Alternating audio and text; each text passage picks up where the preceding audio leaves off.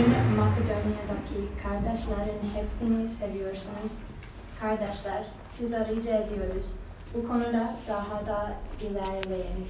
Size buyurduğumuz gibi sakin bir yaşam sürmeyi, kendi işinize bakmaya, evlerinizde çalışmaya amaç edinin. Öyle ki kimseye muhtaç olmadan öbür insanların önünde saygın bir yaşam süresiniz.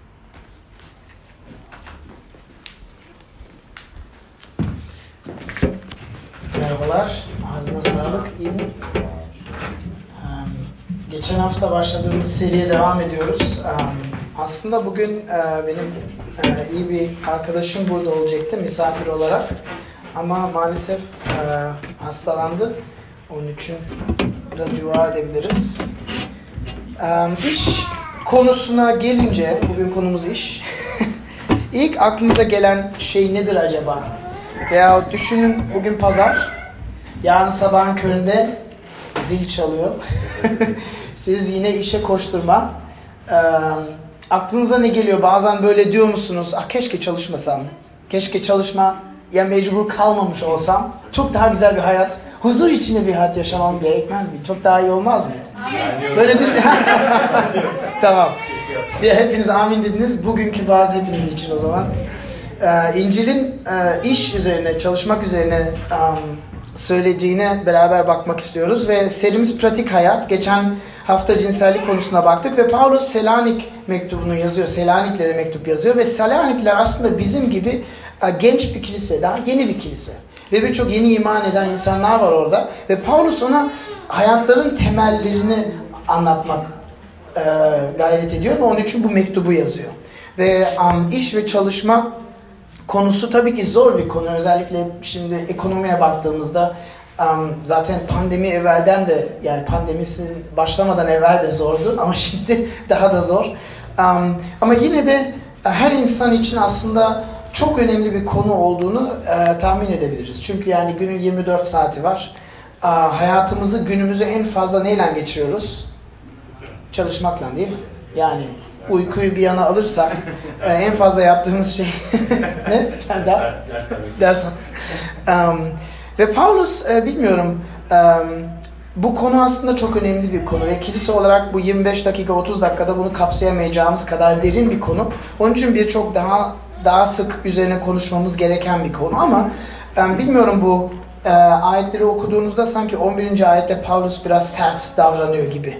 E, kendi işinize bakın, e, boş durmayın. Bilmem böyle sanki bir nasihat veriyormuş gibi, çok sert davranıyormuş gibi. Hatta, bu yani e, şöyle mektubun sonunda 5. bölümde bir daha diyor e, kardeşler boş gez boş gezenleri uyarın diyor. Yani bu yani işsiz olanları eleştirmek değil, bu boş duranları, tembelleri, çalışmak istemeyenleri eleştiriyor burada ve um, ilginç bir uh, alıntıyla karşı karşıya geldim um, Dorothy Sayers bir yazar ve şöyle diyor, İncil'deki bulunan devrimci çalışma doktrini sahip olmadığımız için hem topluluk olarak hem birey olarak işte, çalışmakta yıpranık ölmekteyiz.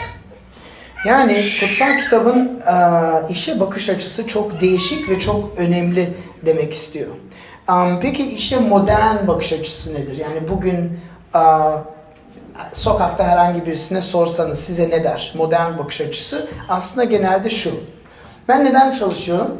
Para kazanmak için çalışıyorum. Geçinebilmek için çalışıyorum. Ailemi desteklemek için çalışıyorum. Asıl çalışmak için çalışmıyorum. Doğru değil mi? Tabii sizler hepsini e, özürlüsünüz ama yani sokakta birini sorsanız böyle olmaz mı? Genelde bu cevabı görüyoruz ve bu cevabı duyuyoruz değil mi?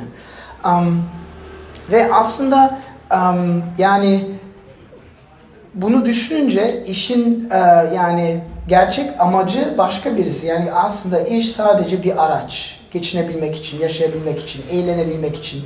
Um, yani asıl işlem yapmak istediğimiz, evde ile istediğimiz bir şey başka bir şey. Um, ve gerçek amaç belki para veyahut statüye kavuşmak veyahut eğlenmek. Um, ve yani bunu bir daha derin düşünürsek, şimdi atıyorum bir avukat yani adalet tutkusundan dolayı avukatlık yapmıyor. Yani ay sonunda kazandığı para için yapıyor. Veyahut um, bir sokağa süpüren birisi uh, doğayı, çevreyi korumak tutkusundan bu işi yapmıyor. Uh, para kazanmak için, geçinmek için yapıyor. Bunu devam ederek düşünebilirsiniz ve biraz belki bunun ne yani sorun ne olduğunu aklınıza gelmeye başlayabilir. Bakın ve çok az kişi veya kimse aslında yaptıklarını yani yaptıkları yüzünde çalışmıyor. Yani asıl yaptıklarının amacı üzerinde çalışmıyor. Yani işimizin neticesi yani diyelim ki bir, bir şey yapıyoruz, bir şey üretiyoruz. İşimizin neticesi aslında sadece bir yan ürün. Yani sadece bir yan ürün, önemsiz bir şey ve gerçek amacımız değil. Gerçek amaç başka. Geçinmek, para, statüs. Ve yani bu aslında um, bizimle bir şey yapıyor. Ve Dorothy Sayers'ın söylediği söz aslında bundan bahsediyor. Um, bir örnekle karşı karşıya gelmenizi istiyorum. İkinci Dünya Harbi'nde İngiliz askerleri um, savaşa gitmeden önce her türlü iş sahiplerdi ama bütün erkekler asker oldu birdenbire ve savaşa gittiler ve Almanya karşı savaştılar. Ve e, sonradan araştırma yaptılar. Çünkü bu İngiliz askerleri e, hayatlarında ilk defa aşırı bir mutluluk hissetmişler. Aşırı bakın savaş çevresinden bahsediyoruz. Böyle e, biz bakkal bakkalda çalışan gibi bir şey değil. Yani savaşa giden adamlar. Ve sonra bunun sebebini anlamaya çalışmışlar ve farkına varmışlar ki bunlar ilk defa sadece para kazanmak için değil, gerçekten doğru olan bir şey için çalıştıklarına inanarak çalıştıkları için aşırı bir memnuniyet, bir bir um, yani bir huzura kavuşmuşlar.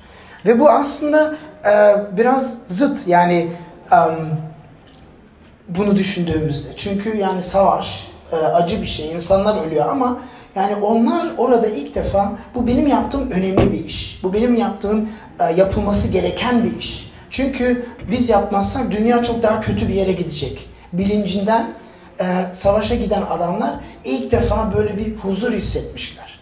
Um, ve bunu anlamak için işin aslında ne olduğunu anlamamız lazım. Ve e, şöyle bir tanımlamaya çalışalım. Bunu alıntı olarak da arka e, bültenin arkasına bastırdık, bastırdık sizin için.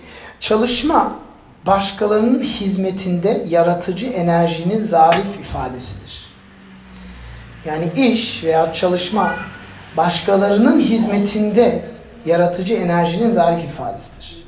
Ve bununla ilgili dört şey sizden dört, dört şeye dokunmak istiyorum. İki tanesi çok pratik, iki pratik yönerge ve iki tanesi motivasyonla ilgili. Um, ve böylece Paulus'un bu metninde ne yazdıklarını anlamaya çalışacağız. En önemli şey aslında şu.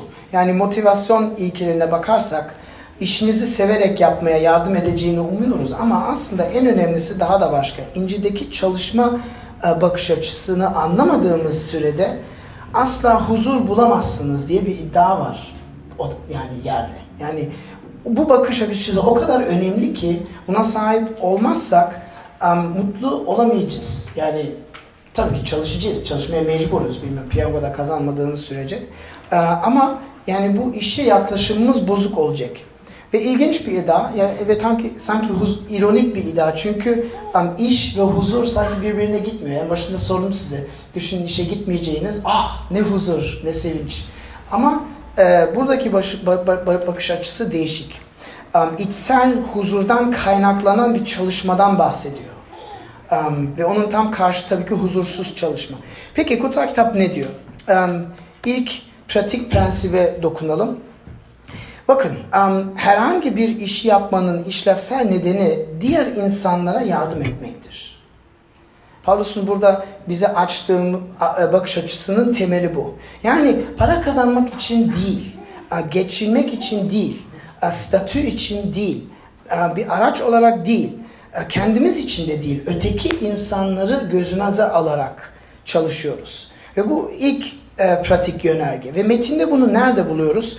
Biraz açıklamam lazım. Bakın bu 9. ve 12. ayetin e, ayete bakarsanız kaç tane Türkçe cümle var? Sayabilir misiniz? Bakalım uyudunuz mu? İlk cevabı veren bir ödül kazanıyor. 8. 3, 8, 4, 5. tamam. Biz sonradan doğru cevaba geri döneriz. Birçok cümle değil mi? Um, Paulus'un e, bir özelliği vardı. O uzun uzun cümleler yazardı. Grekçeyi çok e, güçlü güçlüydü Paulus ve bu bütün bölüm aslında bir tek cümle Grekçe'de. Ve bunu neden bunu neden bahsediyorum? Bundan neden bu dokunuyorum? Çünkü biz bunu okuduğumuzda sanki 9. ve 10. ayet sevmek üzerine yani onun konusuna bakar gibi ve 11. ve 12. ayet işle ilgili gibi. Ama öyle değil. Tek cümle, tek konu. Um, yani Paulus aslında şöyle diyor. Bütün e, bölümü ben kendi sözlerinden e, toparlamaya çalışsam. Sevgi hakkında kendinizi çok bilmiş sanıyorsunuz diyor. Ama diyor çalışmadığınız takdirde sevmiyorsunuz diyor. Sevmenin yolu çalışmaktır diyor. Yani ikisini birleştiriyor ve bir bağlantı kuruyor. Ve 10. ayette diyor ki bu konuda yani sevmek konusunda daha ilerlemenizi istiyorum diyor. Sizin daha anlamadığınız bir şey var. Çünkü siz boş duruyorsunuz, tembelsiniz, çalışmaktan koşuyorsunuz, kaçıyorsunuz diyor. Siz birbirinizi seviyorum iddiasınızdasınız ama çalışmıyorsunuz diyor. Çalışmadığınız takdirde sevmiyorsunuz diyor. Ve 11. ayette diyor ki yani um, çalışın ki kimseye muhtaç veya bağımlı olmayın diyor. Uh, yani burada bir fikir var. Diyor ki siz imanlı olarak Tanrı'yı Allah'ı tanıyan insanlar olarak topluluğu sömürmenizi istemiyorum diyor. Topluluğu sömürmenizi istemiyorum bilakis diyor siz topluluğa yatırımcı olmanızı istiyorum diyor. Topluluğa ortak fayda ya bir yetkili bir insan olmanızı istiyorum diyor. Ve İncil'in işe bakış açısı bu. Yani işin nedenlerin birisi e, ortak fayda ve bu ortak fayda için çalışmak. Para için değil, geçinmek için değil, kendi statümüz için, kariyerimiz için değil, ödüller kazanmak için değil, e, kendimizi övmek için değil, etrafımızdaki insanlar, çevremizdeki insanlar topluluğu bir yararda bulunmak için. Bu bir bu ilk prensip ve metinde işte bunu görüyorsunuz. Paulus diyor ki siz sevdiğinizi zannediyorsunuz ama çalışmazsanız sevmiyorsunuz diyor. Bu konuda daha ilerlemeniz lazım diyor. Um, ve bakın bu yani sadece tek bir iş olması şart değil. Birçok iş olabilir. Yani her türlü iş olabilir. Yani um, belki aklımıza gelmeyen bir iş, belki bizim bakış açısına uyan gelmeyen bir iş. Mesela belki çalıştığınız işin kazancı az olan bir iş. Veya belki çalıştığınız iş üniversite mezuniyeti gerektirmeyen bir iş. Kutsal kitap bunu hiç önemsemiyor. Daha ileride buna daha fazla dokunacağız. Ve Um, birkaç hafta evvel um, Simon'la ve birkaç kardeşten beraber uh, bir çekime zamanı yapmıştık. Um, Ayvalık'ta bir uh, imanlı kardeşten karşı karşıya geldik. Ve o kadar benim yüreğime dokundu ki çünkü o kadar alçak gönüllü bir adam. Yani hayatımda çok az gördüm. Çok ya ailesini geçindiriyor. Çok yani çok sevimli birisi, sessiz, sevgi dolu konuşuyor um, çocuklarını yetiştiriyor. Ne yapıyor biliyor musunuz? Bütün Ayvalık'taki çevrede kazanları temizliyor. E biz oradayken ya e, buluşabilir miyiz falan ben tanımıyordum. Ben tanıştım. E, e, o gün tanıştım.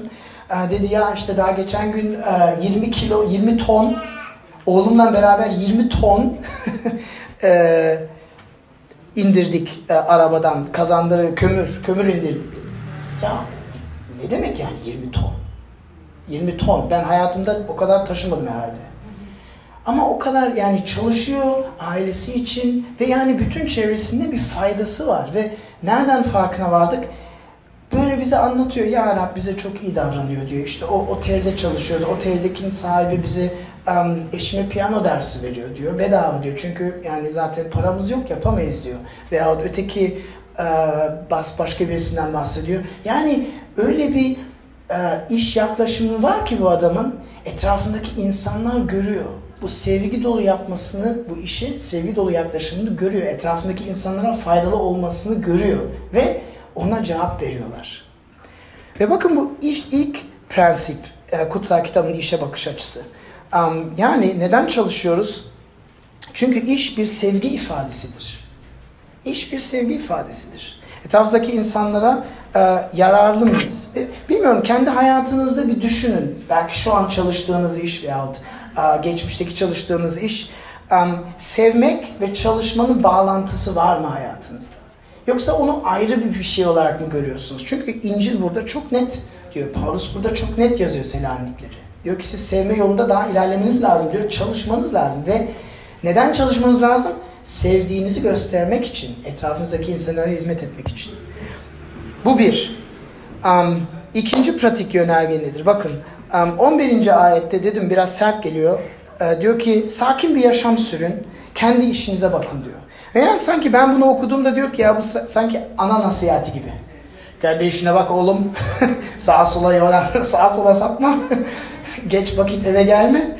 E, Paulus burada sanki bir ana rolünü alıyor. Ama bakın öyle değil. Um, kelimenin tam anla, anlamına bakarsak burada sakin hayat değil huzur dolu bir hayattan bahsediyor. Huzur dolu bir hayattan bahsediyor. Yani huzur dolu bir hayat sürmeyi gayret edin. Ve bakın bu ilginç bir şey çünkü bunu neden yazıyor? Bunun yazmanın sebebi, yazmasının sebebi şu olması lazım ve birçok birçok kitap yazan insanlar bunu e, farkındalar. Diyor ki Selanik'teki çalışmayıp boş duran kardeşler aşırı bir husursuzlukla karşı karşıya geliyorlardı. Yani çalışmadıklarına rağmen içlerinde bir huzursuzluk vardı, bir mutsuzluk vardı, bir boşluk vardı, bir rahatsızlık vardı, bir can sıkıntısı vardı ve bunlar ne yapıyordu? Boş durdukları için başka insanlara sataşıyorlardı. Söyleniyordu, şikayet şikayet doluydular. Ama bunun asıl sebebi işte boş durmalarından dolayı huzursuz olmalarıydı. Bilmiyorum siz hiç yani böyle zorla çalışamamaya gel çalışamama durumuna geldiniz mi? Yani efendim? Karantina. Karantina aynen. Yani böyle ilk hafta tamam, ikinci hafta insan böyle hadi ya yani artık işe geri dönmek istiyorum gibi bir şey, bir huzursuzluk giriyor. Yani belki kendiniz de tat, tatmışsınızdır. Bundan bahsediyor buradaki um, düşünce. Yani bu huzursuzluk, bu başkalarına sataşmamız, uh, rahatsızlığı olmamız bu yani çalışmamazdan geliyor. Ve Paulus diyor ki bunun çaresini biliyorum diyor. Bunun pan zehrini biliyorum diyor. Söyleyeyim mi size diyor. Çalışın diyor. Boş durmayın çalışın diyor. Boş durmayın çalışın diyor. Ve yani sanki bir çelişki evvelden de bahsettim. Çalışınca huzurlu olabilmek diye bir şey değil. Birçok aksi durumlarla işte de karşılaşabiliyoruz tabii ki. Ama çalışmadığımız takdirde de bir huzursuzluk var. E o başka bir şeyden bahsediyor. Bir mutsuzluk getirir. Ve bilmiyorum yani tabii ki ideal bir dünyada um, ne de çalışıyorsunuz? İçinizdeki armağanlarına göre, kabiliyetlerinize göre, um, içsel varlığınıza göre bir iş bulup orada çalışıyorsunuz. Yani sizin özellikleriniz nedir? Siz Tanrı nasıl yarattığını, hangi armağanlar verdi, hangi kabiliyetleri verdi ona göre bunları görerek e, bir işte çalışıyorsunuz. Tabi bu ideal bir dünyada. Ve bunu nasıl uh, keşfedebiliriz? Uh, kendimize bakarak kendimize bakarak yani içimize bakarak hangi işleri yaptığımda huzurlu hissediyorum? Hangi işleri yaptığımda gerçekten yani sanki ben bunun için yapılmışım gibi, sanki ben bunun için yaratılmışım gibi hissediyorum. Ve belki daha bulamadınız. Belki bu bir, bir yolculuk, uzun vadeli bir yolculuk olabilir. Um, ve tek bir işten bahsetmiyor Paulus burada. Yani büyük, zengin bir iş yelpazesi olabilir. Ve sonuçta adım adım yeteneklerinize, e, mizacınıza göre, kapasitenize göre, deneyimlerinize göre bu işe yaklaşabilir olabilirsiniz. Um, ikisini birleştirelim mi? Bakın iki tane pratik prensip e, baktık. Birleştirdiğimizde daha mantıklı oluyor. Hangi işte başkalarına faydalı olabiliriz? Bu soruyu soru başlayalım. Hangi işte? Um, tutkulu olduğum şeyler ne? benim heyecanlandığım şeyler ne? Benim gerçekten coştuğum şeyler ne? Çevreyi korumak mı? Yoksa başka insanların hayatını daha güzel yapmak mı? Yoksa ne, neden yani ben ne de heyecanlanıyorum? Benim benim ilgilerim nedir? Ve oradan başlayalım. İkinci soru, ikincisini birleştirirsek dünyada ben bunu yaparak, bu işi yaparak, bana verilen bu özellik armağanları, kabiliyetleri e, yaparak çevreme nasıl daha fazla barış, neşe ve adalete yol açabilirim? Yani ikisini bağlıyoruz. Um, ve dediğim gibi bazı insanlar böyle şak diye ideal bir işe oturuyorlar. Sihirli gibi bir şey oluyor. Ama birçok zaman e, bu bir bir yolculuk. Bir, bir yolculuk. Um, benim hayatımda 12 sene sürdü mesela. İlk önce ben e, aslında müzik okumak istedim. Annemler pek e, hemfikir olmadı dedi. Yani geçindirmek çok zor, aile geçindirmek falan müzisyen olarak. Ben fizik oku, fizik okudum, doktoramı yaptım. Üniversitede araştırma bölümünde çalıştım. Güzeldi ama e, yani beni dolduran bir iş değildi. Çünkü ben eve geliyorum, Bugün bu bozuldu, bu bozuldu, bu bozuldu, bu bozuldu. Çin'den yeni parça gelecek, 6 ay sürecek. 6 ay ne yapacağımı bilmiyorum.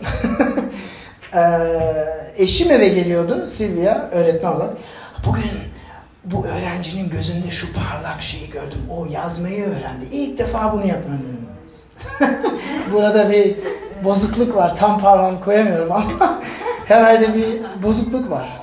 12 sene sonra fizikçiden daha fazla araştırmadan, laboratuvarda çalışmaktan daha fazla eğitime yöneldim. Bunu yani bilinçli bir şekilde yapmadım. Gerçekten böyle sanki e, beni birisi elinden alıp götürmüş gibi oldu. Daha fazla öğrencilerle vakit geçirdim. Öğrencilerle vakit geçirdiğimde daha fazla yani e, fizik ve matematiğin dışındaki konulara girdik. Yaşamı nasıl başarabilirim? Hayal kırıklığına nasıl ilerleyebilirim? Dedim ya ben aslında pastörlük yapıyorum burada. aslında fizik profesörüyüm ama yani bunlarla buluştuğumda başka şey konuşuyorum. Ben bana ders sormuyorlar dedim. E öyle adım adım adım e, başka işe yöneldim. 12 sene sürdü. Um, bunu aklımızda tutalım ve bakın um, ilk adım yani ideal bir işte çalışmasak bile ilk adım bu soruları sormak. İlk adım kendimize sormak, içimize bakmak ve tavırlarımızı değiştirmek. Um, belki çalıştığınız işten hiç memnun değilsiniz. Um, ama iş olduğuna şükretmek lazım. Bir de o var. Um, Size tarihten bir örnek vermek istiyorum.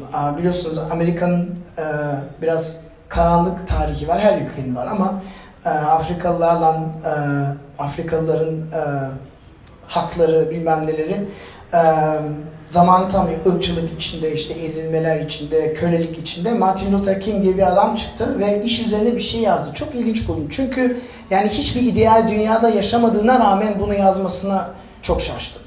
Diyor ki bakın okuyun. Bir adamın çağrısı sokakları süpürmekse Michelangelo'nun çizdiği veya Beethoven'ın beslediği, beslediği veya Shakespeare'in şiir yazdığı gibi sokakları süpürmelidir.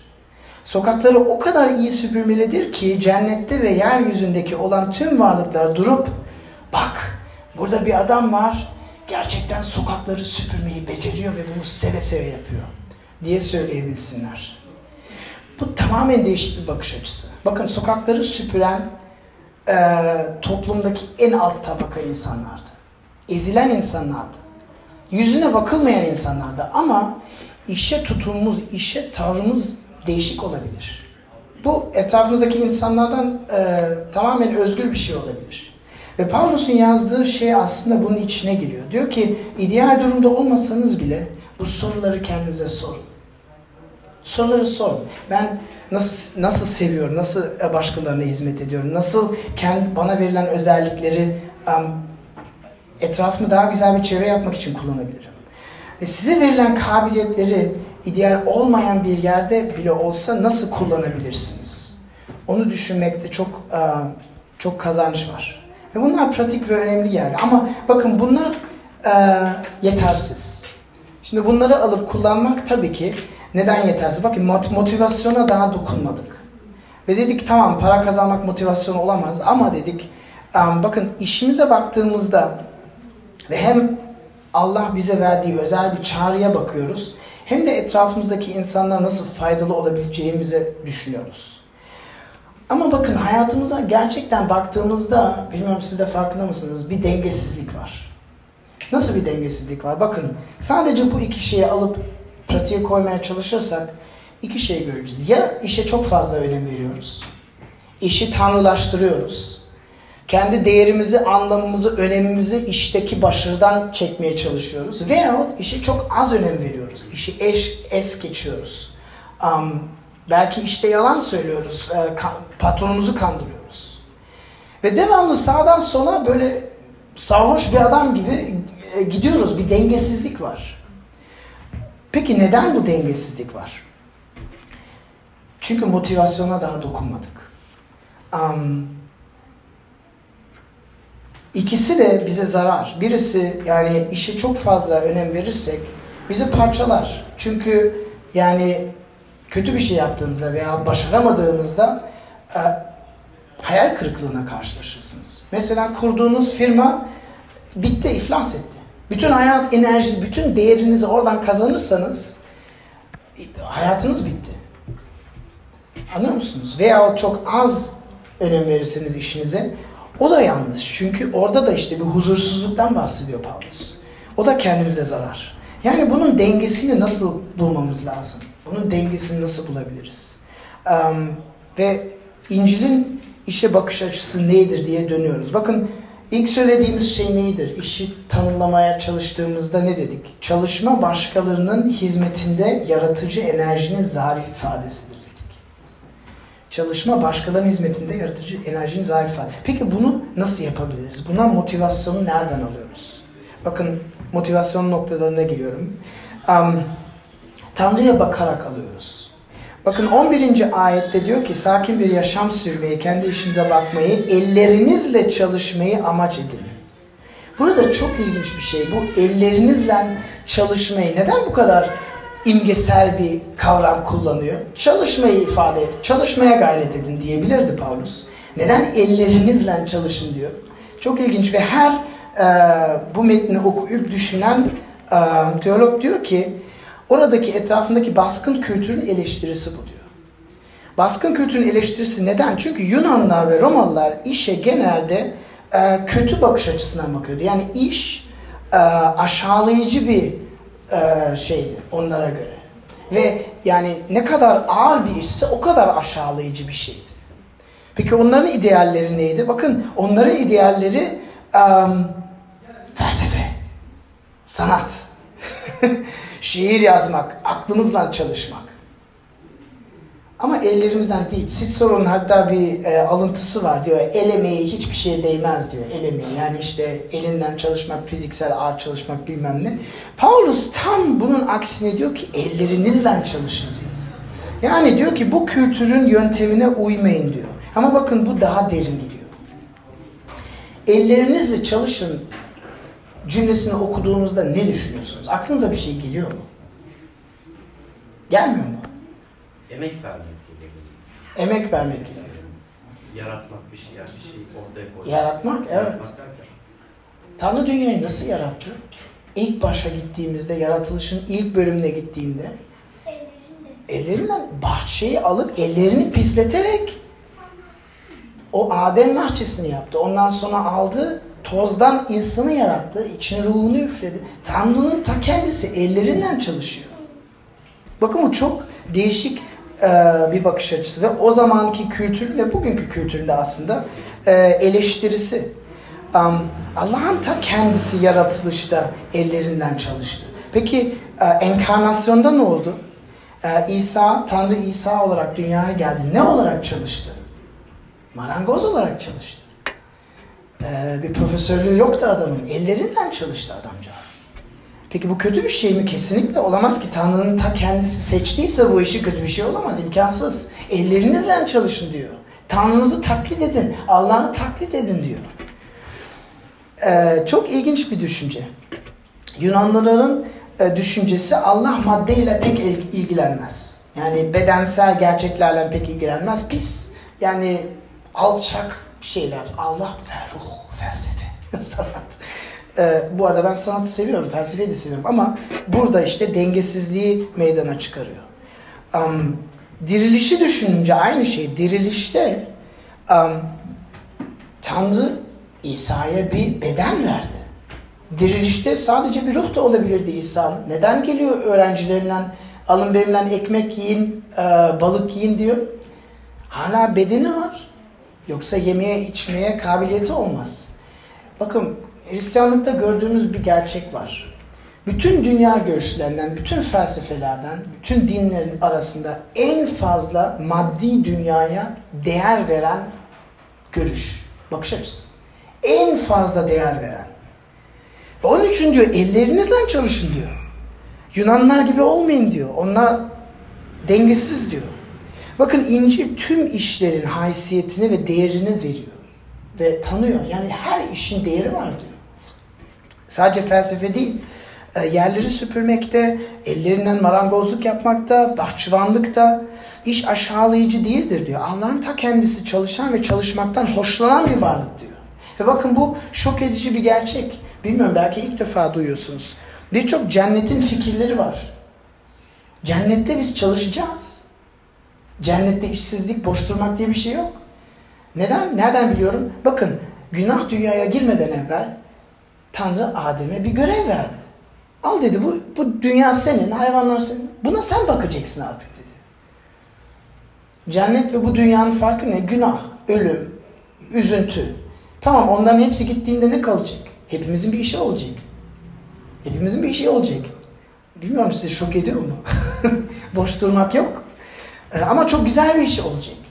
Yani bizim sanki bu iş için yaratılmış gibi bir uh, bilinçliğimiz olacak.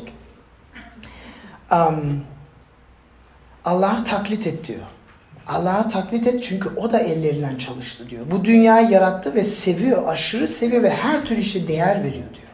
Bakın bu birinci motivasyon. İkinci motivasyon sonra kapatıyorum. Um, bu 9. ve 12. ayet arasında değil ama bu bölümün en başına dön dönersek, geçen hafta cinsellik üzerine konuştuk. Ve hatırlarsanız ilk ayeti şöyle başlıyor Paulus diyor ki, kardeşler nasıl yaşamanız, Tanrı'yı nasıl hoşnut etmeniz gerektiğini bizden öğrendiniz diyor. Um, yani işteki, bu ne demek? Bakın Tanrı'yı hoşnut etmek. Şimdi bunu ilk olarak bir başlık olarak düşünün. Ondan sonra konuları geçiyor. Cinsellik, iş, ölüm. Hepsini bu başlık altında düşün. Ne demek istiyor Paulus? İncil ne demek istiyor? Diyor ki sen gidip bir firmada çalışıyorsan bu firmanın sahibi senin patronun değildir diyor. Senin asıl patronun değildir diyor. Senin asıl patronun Allah'tır diyor. Sen o işe gittiğinde o yönetmen senin patronun değildir diyor. Sen onun için aslında çalışmıyorsun. Sen aslında Allah için çalışıyorsun diyor. Tanrı için çalış. Seni yaratan için çalışıyorsun diyor. Bilmiyorum bunun üzerine ne düşünüyorsunuz? Ben ara sıra birkaç arkadaşla konuştum dedi. Ya bu çok kötü bir fikir dedi ya. Başlama girme içine dedim. Neden dedim çok iyi değil mi? Yok dedi ya dedi ben mekanda çalışınca patron gidince en azından oturup YouTube'da videoları izliyorum diyor. Tanrı'nın için çalışırsam bunu artık yapamam diyor. ya patron tam kendisi gelmeyince diyor biraz erken kapatıyorum mekanı diyor. Kimse farkına varmıyor diyor. Ama şimdi Tanrı için çalışırsam diyor bunların hiçbirisini yapamam diyor. Hep dürüst olmam lazım diyor. Ama bakın asıl asıl e, gerçeğin anlamını anlamıyoruz böyle düşündüğümüzde. Çünkü burada Allah'ı böyle sopayla bizimle bekleyen birisini olarak görüyoruz. Ve sanki biz onu işimizden um, sakinleştirmemiz gerekiyor gibi. Yani sanki işimizden onu um, nasıl diyeyim yani onun öfkesini gidermemiz gibi bir düşünce var. Ama böyle değil. Paulus'un yazmak istediği de bu değil. Bakın um, Tanrı'yı hoşnut etmek Allah'ın sevgisini, saygısını kazandırmak, kazanmak değil. Başka bir şey. Peki nedir? Bakın, um, Jonathan Edwards çok güzel bir şey yazdı. Um, şöyle dedi, kendi yaptıklarında Allah'ı mutlu etmek mümkün olmadığını anlamadan hiçbirimiz bencillikten kurtulamayız dedi. Hiçbirimiz bencillikten kurtulamayız dedi ve devam etti. Dedi ki, bu hayatta ne işte ne özel hayatımızda hiçbir yerde huzurlu bir yaşam yaşayamayız dedi. Neden? Bakın üç tane örnek vereyim. Um, onun bakış açısı Allah seni İsa'nın yaptıklarından dolayı sevip kabul ettiğini anlaman lazım. O zaman gerçek huzura kavuşuyoruz. Peki yoksa ne olur? Bakın yoksa devamlı işe çok fazla önem verirsek kendimizi yıpratırız. Çünkü başardın mı? İşimi iyi yaptın mı? Her şeyi becerdin mi? Yoksa yani devamlı bir koşku, bir korku içindeyiz. Acaba beni yargılayacak mı benim patron? Acaba beklentilerini benim benim üzerimde veya çevremdeki insanlar veya ailem e, beklentilerini yerine getirebilecek miyim diye koşku altındayız. Korku altındayız. Devamlı korku altındayız. Hiç böyle huzur olur mu? Ve işe çok az önem verdiğimizde ee, yani zorla çalıştığımızda orada da bir huzursuzluk geliyor. Anlıyor musunuz? Bahsettim zaten. İş İsa'nın yaptığı ve var olduğu gerçekle değişiyor. Burada bir başka yol var diyor. İsa Tanrı olmasına rağmen ne yaptı? Bakın İsa Tanrı olmasına rağmen ne yaptı? Geldi ve çalıştı. Geldi ve çalıştı. Kendi yarattığı dünyada çalıştı. Önce marangoz olarak çalıştı. Ve sonra hoca olarak çalıştı. Sonra peygamber olarak çalıştı. Sonra kurtarıcı kurban kuzusu olarak çalıştı. Ama devamlı çalıştı. Peki kendisi için mi çalıştı? Hayır. Her zaman etrafındaki insanlar için çalıştı. Bakın bu birçok zaman dokunduğumuz bir gerçek. İsa'nın yaptığı birçok mucize var. Ama hiçbir zaman kendine hizmet etmek için tek bir mucize bile yapmamıştır. Her zaman ya körü iyileştirmek için ya e, kulağa duymayanı iyileştirmek için her zaman başkalarına yardım etmek için e, çabalamıştır. Ve şeytanın denenme noktasına gelince zaten şeytanın deneme, İsa'yı deneme noktası bu. Kendine hizmet et. Karnı açtı. Çöldeydi. 40 gün 40 gece yemek yiyip içmemişti. Konuş bir söz söyle. Bu taşları ekmeye çalışıyor. İsa yapmıyor. Neden yapmıyor? Çünkü kendine hizmet etmiyor. Bencillik yok adamda. Peki bütün bunları gördüğümüzde İsa'nın bütün bu mükemmel hayatını gördüğümüzde nerede bitiyor hayatı? Bir çarmıhta bitiyor. Bakın ben bunun üzerine çok düşündüm. Ben bunu çok ilginç bir şey buluyorum. Buluyorum. Bakın marangoz neyle çalışıyor? Tahtayla. Ham maddesi nedir? Tahta değil mi? Çarmıhın ham maddesi nedir? Tahta. Bakın İsa hayat boyunca yaratı, yaratanın, yaratılışın ham maddelerini etrafındaki insanların faydası için çalışmıştır. Bu çarmıhı yapan insanlar ne yaptı? Bu doğanın ham maddesini alıp başka insanı öldürmek için kullandılar. Bakın bu iki tane hayatın bakış açısı. Arada da bir şey yok. İnsanlara faydanız yoksa o zaman ona zarar, onlara zarar veriyorsunuz demektir. Ya siz İsa gibi bir marangoz olursunuz yahut o çarmıhı yapan, tasarlayan gibi insanın gibi marangoz olursunuz. Arada bir seçenek yok. Ama Edwards'ın dediği şu, siz İsa gibi ve onun yaptığını kendi hayatınıza kabul ederseniz gerçekten bir huzura kavuşursunuz. Çünkü o her şeyi yerine getirdi. Her şeyi yerine getirdi. Bizim için çalıştı. Ve biz onun çocukları olarak o her zaman bizden mutlu. Sopayla patron gibi değil. Yanına gelen bir baba gibi. Gel oğlum. Nereden görüyoruz bunu? Bakın Tanrı işe bir sınır veriyor, bir sınır koyuyor. Diyor ki altı gün çalışacaksın diyor, yedinci gün çalışmayacaksın diyor.